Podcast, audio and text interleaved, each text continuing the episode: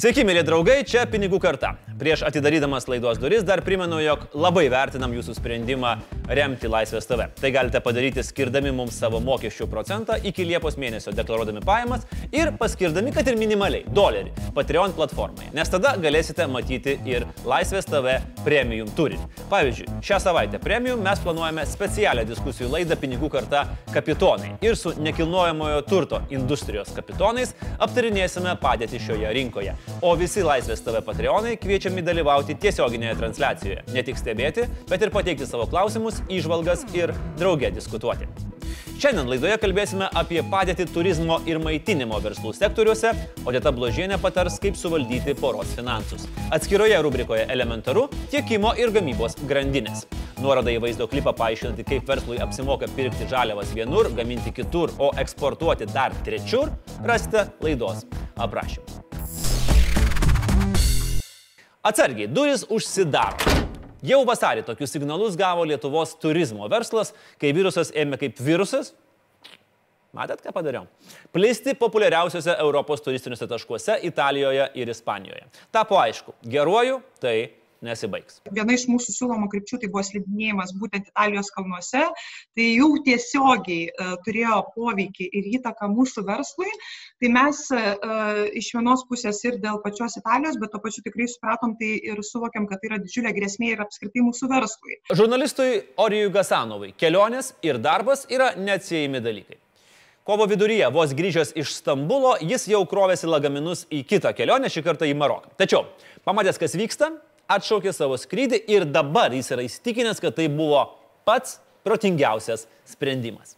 Jau kitą dieną aš norėjau bučiuoti savo rankas, nes iš tikrųjų supratau, kad padariau labai gerą dalyką, nes įvedė Lietuva karantiną ir tada prasidėjo kalbas apie tai, kad šimtai žmonių stringa visokiose oruostose, skirtingose vietose, neaišku, kaip jie grįž. Ir, ir kasdien vis darės baisiau, baisiau ir tada vis supratau, kad iš tikrųjų ačiū Dievui, kad aš neišskridau. Tad kaip elgėsi Lietuvos kelionių organizatoriai ir kelionių agentūros? Dėjo į krūmus ar ėmėsi valdyti situaciją, gelbėdami į nežinomybę patekusius klientus. Na ir žinoma, gelbėdami savo verslo kailį. Nedingti, spėti atsakyti visų klientų užklausas, nes supratom, koks tas momentas yra jautrus tuo metu, kaip staigiai reikia reaguoti ir teikti visiems keliautojams informaciją. Labai aiškiai supratom, kad pusę metų gal net daugiau negalėsime tam tikros komandos aprūpinti darbu. Tai teko atsisveikinti su dalimi komandos ir stojome į tokį pliką režimą, valgydami savo santaupas, įmonės rezervus ir tokiu režimu gyvename iki šiol.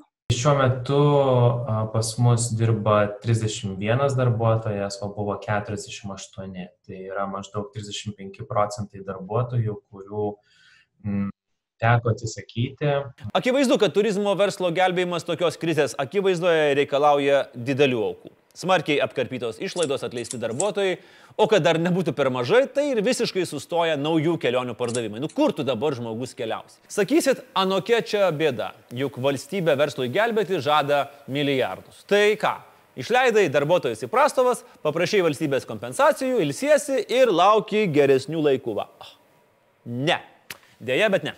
Valstybės pagalba kompensuoti prastovas mums šiuo metu nėra naudinga, nes mes per tuos du mėnesius negalėjome savo darbuotojų išleisti prastovų, nes pilnai aptarnavome, net neturėdami jokių pajamų, bet vykdėme kelionių pakeitimus. Valstybės pagalba gal nereikėtų per daug pasikliauti. Kitas dalykas, mes e, paskelbėme dalinės prastovas. Čia yra paradoksalu, nes šiuo atveju mes negaudami pajamų turime nepaprastai daug darbo, nes yra perkeliami skrydžiai, datos, vyksta gražinimai, keitimai. Turizmo sektoriui reikia užsitikrinti likvidumą arba liaudiškai tariant, turėti pinigų, nes jų reikalauja ir į kelionės neišvykę vartotojai, ir kreditoriai, ir netgi, pavyzdžiui, mobilaus ryšio operatoriai už pokalbį su Tanzanijoje įsikūrusio viešbučio savininku. Nepabijosiu pasakyti, šiai dienai pinigai dar nėra gražinti. Ir kai prezidento aplinka um, iškomunikavo vartotojams, kad jų pinigais neturi būti remiamas turizmo verslas, E, kitą dieną mūsų užplūdo labai daug skambučių ir nepasitenkinimų. Ir pagaliau, po daugybės turizmo sektoriaus atstovų, viešų ir garsių pagalbos prašymų, po ilgų politinių diskusijų, po prezidento veto, po naujų svarstymų Seime, pagaliau, pagaliau buvo patvirtintas pagalbos turizmo sektoriui paketas. Nieko tokio. Užtruko viso labo pustrečio mėnesio, dabar prasidės paramos skirstimo etapas, o mes juk žinome, kaip gerai tai moka daryti Lietuvos valstybinės institucijos. Beje, panašiai ir pačiame turizmo versle. Jūsų sumokėti pinigai keliauja per daug rankų ir gražinti juos atgal į jūsų kišenę tikrai yra sudėtinga procedūra. Tie pinigai nėra išvaistyti. Tai yra, turizmas yra labai daug metų avansų ir iš ankstinių mokėjimų verslas. Tai reiškia, kad apmokėjimai yra atlikti jau už paslaugą, kuri bus suteikta po šešių ar devinių mėnesių. Ir per daug rankų nuvilnyjus tai paslaugai ir tam mokėjimui čia irgi yra turizmo specifika, gali būti, kad tas įmokėtas vartotojo avansas yra, pavyzdžiui, renovuoto viešbučio sienose ar baseine. Gauname iš klientų įmokas, bet mes taip pat sumokame e, savo tiekėjams už viešbučius, už aviaciją, už visas praktiškai paslaugas. Tiesa, šiandien turizmo sektoriaus įmonės gali šiek tiek atsipūsti. Seimas patvirtino ne tik papildomą finansinę paramą, bet ir pakeitė pinigų už neįvykusias keliones gražinimo terminą nuo dviejų savaičių iki trijų mėnesių. Jeigu galvojate, kad lietuviai yra vargšai vieninteliai laukiantys savo pinigų, tai tikrai klystat. Daugybė ES šalių reikalauja Briuselio atšaukti įprastą pinigų už keliones gražinimo tvarką, nes esant tokiai krizai, na, negali būti taikomos tokios ramaus, nerūpestingo, įprasto gyvenimo taisyklės. Jeigu keliautojas uh nori padėti išlikti turizmo verslui ir taip pat žino, jog tikrai keliaus, kai tik tai bus galima daryti ir tai daryti bus saugu, jis gali pasirinkti alternatyvą, tai yra kelionės kuponą, tolygų keliautojo įmokėtai sumai už kelionę, tai gali būti ir avansinė įmoka, gali būti ir visa suma. Šis kelionės kuponas yra apdraustas kelionių organizatorių prievolės įvykdymo užtikrinimo draudimu. Tai reiškia, paprastai tariant, kad e, jeigu kelionių organizatorius ir negalėtų tęsti veiklos ir bankrutuotų, e, šimtų procentų suma yra apdrausta ir būtų kompensuota per turbūt daugiausiai tris mėnesius draudimo bendrovės mūsų verslui tas kelionės atidėjimo arba kitos alternatyvos klausimas yra ypatingai svarbus, sakyčiau, gyvybiškai svarbus. Ir žinot, bent jau pirmieji šios krizės mėnesiai tikrai maloniai stebina. Kelionių bent jau laikinai netekę vartotojai nepuola šturmuoti kelionių organizatorių biurų ir nepersekioja kelionių agentų naktiniais skambučiais ir kvepavimais į ragelį. Na, tokių aišku yra, bet mažuma. 80 procentų supratingų, mandagių, labai aiškiai suvokiančių situaciją klientų tada apie 10 procentų yra rizikos grupė, kurie aišku, kad e, jaudinasi ir jie yra jautresni savo, e, tom, sakykime, net gautom, e, net gautom sumom, kurias buvo sumokėję už kelionę, tai čia yra suprantama ir su jais dirbama yra truputį kitokių režimų. Na ir tada mažoji dalis, gal net mažiau negu 10 procentų, tai yra agresyvūs, pikti, grasinantis. Esam nusiteikę optimistiškai, nes labai daug keliautojų sutinka vis dėlto um, atsimti arba kelionės kuponus arba pakeisti kelionės datą. Ir tai yra maždaug 9 keliautojai iš 10, kurie sutinka tą padaryti. Tiesą pasakius, kuo toliau, tuo tokių keliautojų yra daugiau, nors tikėjausi, kad bus atvirkščiai. Sutikite, jeigu turizmo sektorius būtų lenktynėse dalyvaujantis žirgas, statymų sulauktų nedaug. Absoliučiai visos aplinkybės šiandien yra nepalankios šiam verslui. O kur dar nauja tvarka? Oro uostuose, lėktuvuose, viešbučiuose, restoranuose, daugiau apsaugos priemonių, nauji infrastruktūros pertvarkymai, privalomai mažesnis apgyvendinimas viešbučiuose, aptarnavimas tik prie staliuko ir jokio švediško stalo. Taip, viskas. Nebegalėsim Turkijoje prisikrauti į lėkštę tiek, kad driptų per kraštus ir pusę palikti, nes nebaisiai skanu. Ką tai reiškia? Greičiausiai išaugusias kelionių kainas. Pasiūla viešbučių, aviacijos paslaugų mažės, e, sąnaudos tikėtina, kad didės, taip kad kainų kritimo tikėtis tikriausiai e, būtų per drąsu. Mano nuomonė, kad visų pirma, kelionės turėtų būti pigios, nes e, tie srautai keliautojų pirmomis dienomis nebus tokie dideli dėl nepasitikėjimo, tačiau labai staiga kelionių kainos sugrįž prie tokių, kokios buvo ir Mano turbūt nusivylimui kelionių kainos gali būti ir aukštesnės. Tiek pasirinkimo laisvės, tiek kainų atžvilgių, kokio, koks jis buvo vat, visus šitos keletą metų iki šiol, tai tikriausiai neturėsime bent keletą metų. O kas beliks tiems, kurie pabrangusių kelionių į užsienį nebegalės įpirkti? Na, teks ieškoti alternatyvų arčiau Lietuvoje, kaimininėse valstybėse. Ir žiūrint iš savanaudiškų nacionalinių perspektyvų, tai būtų racionalus sprendimas, nes Lietuva taip pat smarkiai nukentėjo dėl supančioto turizmo. Norit skaičių? Prašau. Atvykstamasis turizmas į Lietuvos biudžetą kasmet įneša 1 milijardą eurų. Tad vien statistiškai skaičiuojant, mūsų šalis dėl karantino jau prarado daugiau nei 200 milijonų eurų. Apie tai, kiek šiandien kainuoja polisis mūsų šalyje ir kaip suksis šis verslas, būtinai pakalbėsim kitose pinigų kartos laidose. Nuo turizmo keliaujam prie maisto. Per pastarąjį dešimtmetį barų ir restoranų rinka augo tiesiog puikiai. Kiekvieną savaitę atsidarydavo vis kita nauja vieta, o turėti savo barą tapo savotišku prestižu. Katleris vaišino kebabais, buvęs krepšininkas Songailai savo barą viliojo tekstualiomis padavėjomis, o Mija kvietė į restoraną druskininkose. Deja, visi šie verslai gyvavo neilgai ir tai puikiai iliustruoja, koks sunkus ir rizikingas yra restoranų bei barų verslas. Na, dabar restoraną atidaro selas, tai čia tikrai viskas bus gerai. Galima sakyti, kad sėkmingai tokį verslą valdantys žmonės yra perėję ugnį, vandenį ir varinės triubas. Bet prie jų priejo korona ir pasakė, pereikit mane. Užrakinom barą ir išsiskirstėm su tokia iš tikrųjų labai slogi nuotaika buvo ir toks šokas buvo gilus ir skausmingas. Bet paskui, kai suvoki, kad iš tikrųjų, va, užrakini duris, pasakai visiems viso gero ir viskas, ir nežinai. Iš tikrųjų, nežinomybė labiausiai nu, visiškai nežinai, kada baigsis ir kas bus po to. Tai nu, iš tikrųjų buvo šokas pirma savaitė turbūt buvo tokia labiausiai jaučiama, tai tuo metu mes skaičiavome net iki 80-85 procentų sumažėjimą užsakymų. Bet, kaip sakoma, never let a good crisis go to waste. Ir greito maisto tiekėjai, o po to ir maisto pristatytojai netrukus pamatė, kad išaušo jų valanda.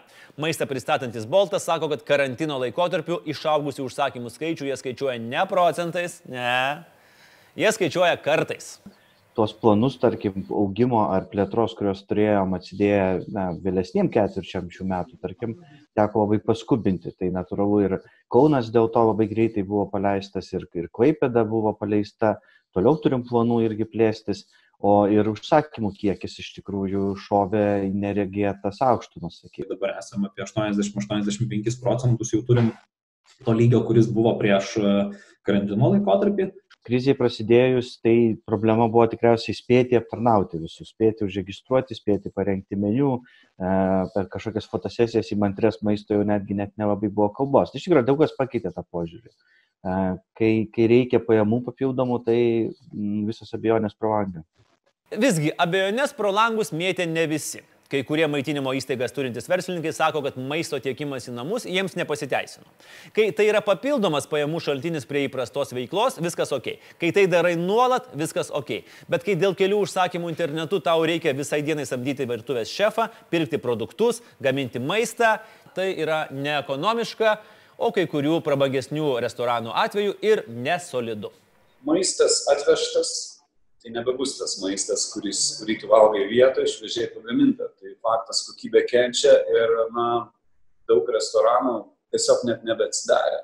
Ne, neatsidarė, nes nėra prasmės bedinti savo reputaciją ir nekokybę.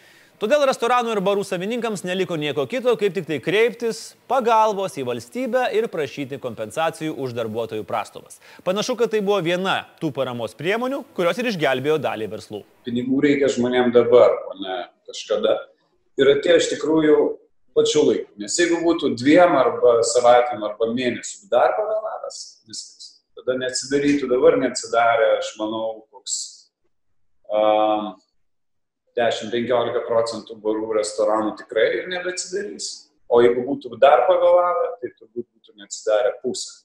Bet dalis neatsidarė ir gal jau niekada nebeatsidarys. Pasak barų ir restoranų savininkų, dauguma jau pirmosios krizės bangos neatlaikiusių kolegų įstrigo dėrybose su patalpų savininkais, kurie atsisakė atidėti nuomos mokėjimą arba nesutiko pritaikyti nuolaidos. O juk būtent 30 procentų nuolaida yra būtina sąlyga, norint iš valstybės gauti dalinį nuomos mokesčio kompensavimą. Daugelis susitarė iš tikrųjų, bet buvo kas ir nesusitarė.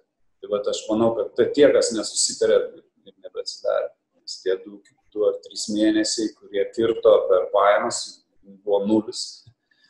O nuoma išliko ir mieste, centre nuomos yra beprotiškas dabar. Jos nesumažėja. Tačiau net ir sutarus su nuomojimo patalpų savininkais dėl nuolaidos, reikės peržengti dar vieną barjerą, seniuk - paraiškos paramai pildymą. Pakankamai sunkiai sekas, mes tą bandom daryti jau kokią dešimt gerų dienų, tai čia ir popierius renkės, ir to trūksta, ir tą reikia vežti į registrų centrą ir vis tiek netinka. Nu, žodžiu, kol kas uh, esam toj paraiškos pildymo stadijoje niekaip nesugebam užpildyti taip, kad jinai būtų priimta. Šviežio oro gūsio į Vilniaus senamiešio gatves įpūtė savivaldybė, balandžio gale paskelbusi, jog sostinės, skverus, aikštės ir šalygatvius atiduoda kavinėms, restoranams ir barams. Imkite. Bet ar užteks šios pozityvios kibirkšties, kad barų ir restoranų verslas vėl užsikurtų? Čia buvo superinis žingsnis, kurio tikrai pavydė visas pasaulis tai buvo labai gerai padaryta. Ir mes pamatėm iš karto, kad žmonės tikrai laukia. Ir aš žiūriu optimistiškai. Iš tikrųjų, kad grįž klientas, tai šimtų procentų. Sausis ir vasaris tradiciškai blogiausi mėnesiai. Nuo kovo vidurio paprastai prasideda pelningiausias sezonas ir baigėsi jis maždaug birželio pradžioje. Koks sutapimas? Visai kaip karantinas. Vasara būna silpnesnis sezonas, nebent yra daug turistų, kurių šiemet nebus. Todėl apie ateities perspektyvas kai kurie verslininkai kalba itin atsargiai. Aš kaip sakau, mes tokie, kaip mokomės iš naujo vaikščioti, nors prieš tai bėgiojom sprintus, tai Tai panašu, kad tai truks ilgai. Pavyzdžiui, jeigu tai vyktų antra kažkokia banga, grįžimas, vėl užsidarimas, tai tikrai labai smogtų stipriai ir turbūt stipriau negu, negu pirmas variantas.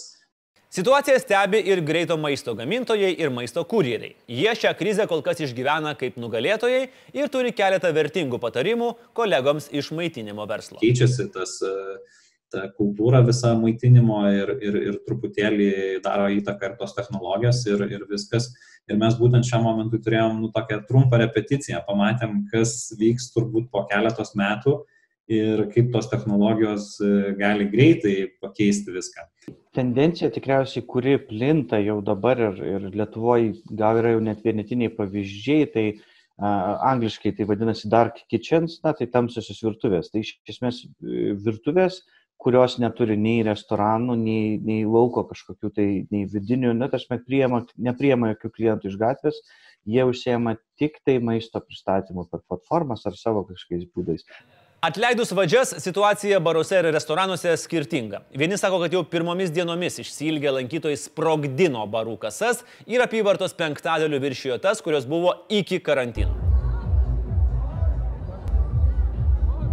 Kiti atvirkščiai skundžiasi, jog atidarius lauko kavines apyvarta sudarė vos 20 procentų prieš tai turėto pinigų srauto, o leidus aptarnauti klientus viduje, na, pakilo iki pusės prieš karantiną turėtos apyvartos. Bet čia jau broliuk rinka. Stipresni išgyvens ir taps stipresniais, silpnesni dėja atsisveikinsim. Tačiau barų rinkoje tai normalus gyvybės ciklas, tam nereikia ir karantino. Reikia pripažinti, kai gyveni vienas, jau nėra labai lengva susibalansuoti biudžetą. Padaryti tai poroje, kai yra skirtingos piniginės, skirtingi interesai, dvigubai brangesni norai, yra dar sunkiau. Čia Odetos Bložienės patarimai, kaip tai padaryti lengvai ir neskausmingai. Sveiki, aš esu Odeta ir su jumis šiandieną pinigų kartos rubrikoje apie asmeninius finansus atsakysime į klausimą, kaip valdyti finansus dviese. Žmonės skirtingi. Kiekvienas gali turėti savitų įpročių, norų, pomėgių, įdų. Pradėjus bendrą gyvenimą, neišvengiamai tenka derintis prie kito žmogaus. Todėl bent santykių pradžioje aptarkite bendrasias taisyklės. Kas už ką atsakingas, kas už ką moka. Labai svarbu taupyti kartu ir tuo pačiu nusimatyti, kiek išleisime pramogoms. Visos poros skirtingos. Vieni turi bendrą biudžetą ir net vieną sąskaitą ir kelias prie jos pririštas korteles. Kitiems primtiniau atskiros sąskaitos ir visos išlaidos atskirai. Tretiems geriau dalį išlaidų apmokėti iš bendros sąskaitos, dalį iš asmeninių. Kad ir kokį variantą pasirinktumėte, svarbu neužmiršti ir iškart sutarti, kokią dalį pajamų skirsite santaupoms ar kitiems finansiniams tikslams. Vienas žmogus neturėtų būti atsakingas už visus šeimos ar poros finansus. Abu partneriai turi jausti finansinę atsakomybę, tai svarbu dėl dviejų dalykų. Padeda pasidalyti krūvį ir daryti tai, ką kiekvienas sugeba geriausiai. Nuspręskite, pavyzdžiui, kiek galite kiekvienas per mėnesį išleisti asmeninėms reikmėms bei įsipareigojimų. Arba apibrieškite savoką brangus pirkinys. Tai yra, nuo kokios sumos - 50, 100 ar 200 eurų prieš įsigydami pirkinį turite pasitarti su antraja puse. Tai ne tik padės išvengti barnių, bet ir nutarti, kokių pirkinių šeimai labiausiai reikia. Finansinė disciplina vien dėl disciplinos ar taupimas dėl taupimo - nuobodus užsiemimas. Svarbu turėti tikslų, svajonių, siekių, kam taupote ir kaupiate pinigus kelioniai, muzikos grotuvui, o gal naujam automobiliui ar būstui. Dar geriau, kad tas tikslas įkvėptų abu. Per didelę kontrolę gadina santykius ir veda į finansinę neištikimybę. Noras slėpti dalį pajamų ir išlaidų.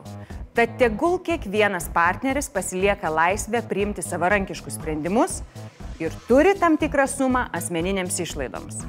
Tačiau Esant reikalui, kiekvienas turėtų būti pasirengęs kažko atsisakyti dėl bendrų tikslų.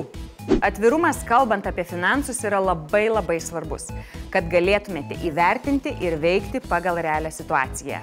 Jei nežinosite poros finansinės situacijos, galite priimti labai neracionalių sprendimų.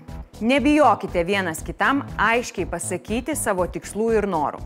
Stenkitės būti konkretus. Tai yra sakyti, Ne, man liūdna žiūrėti mūsų santaupų sąskaitą.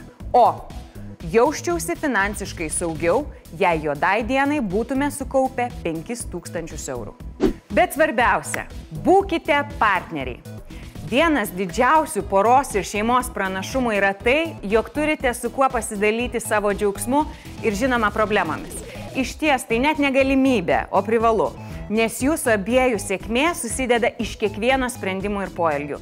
Todėl nebijokite kalbėtis apie finansus, įvairiausius sprendimus ar net klaidas. Bendri sprendimai gali padėti lengviau rasti išeitį ar net išsaugoti darną.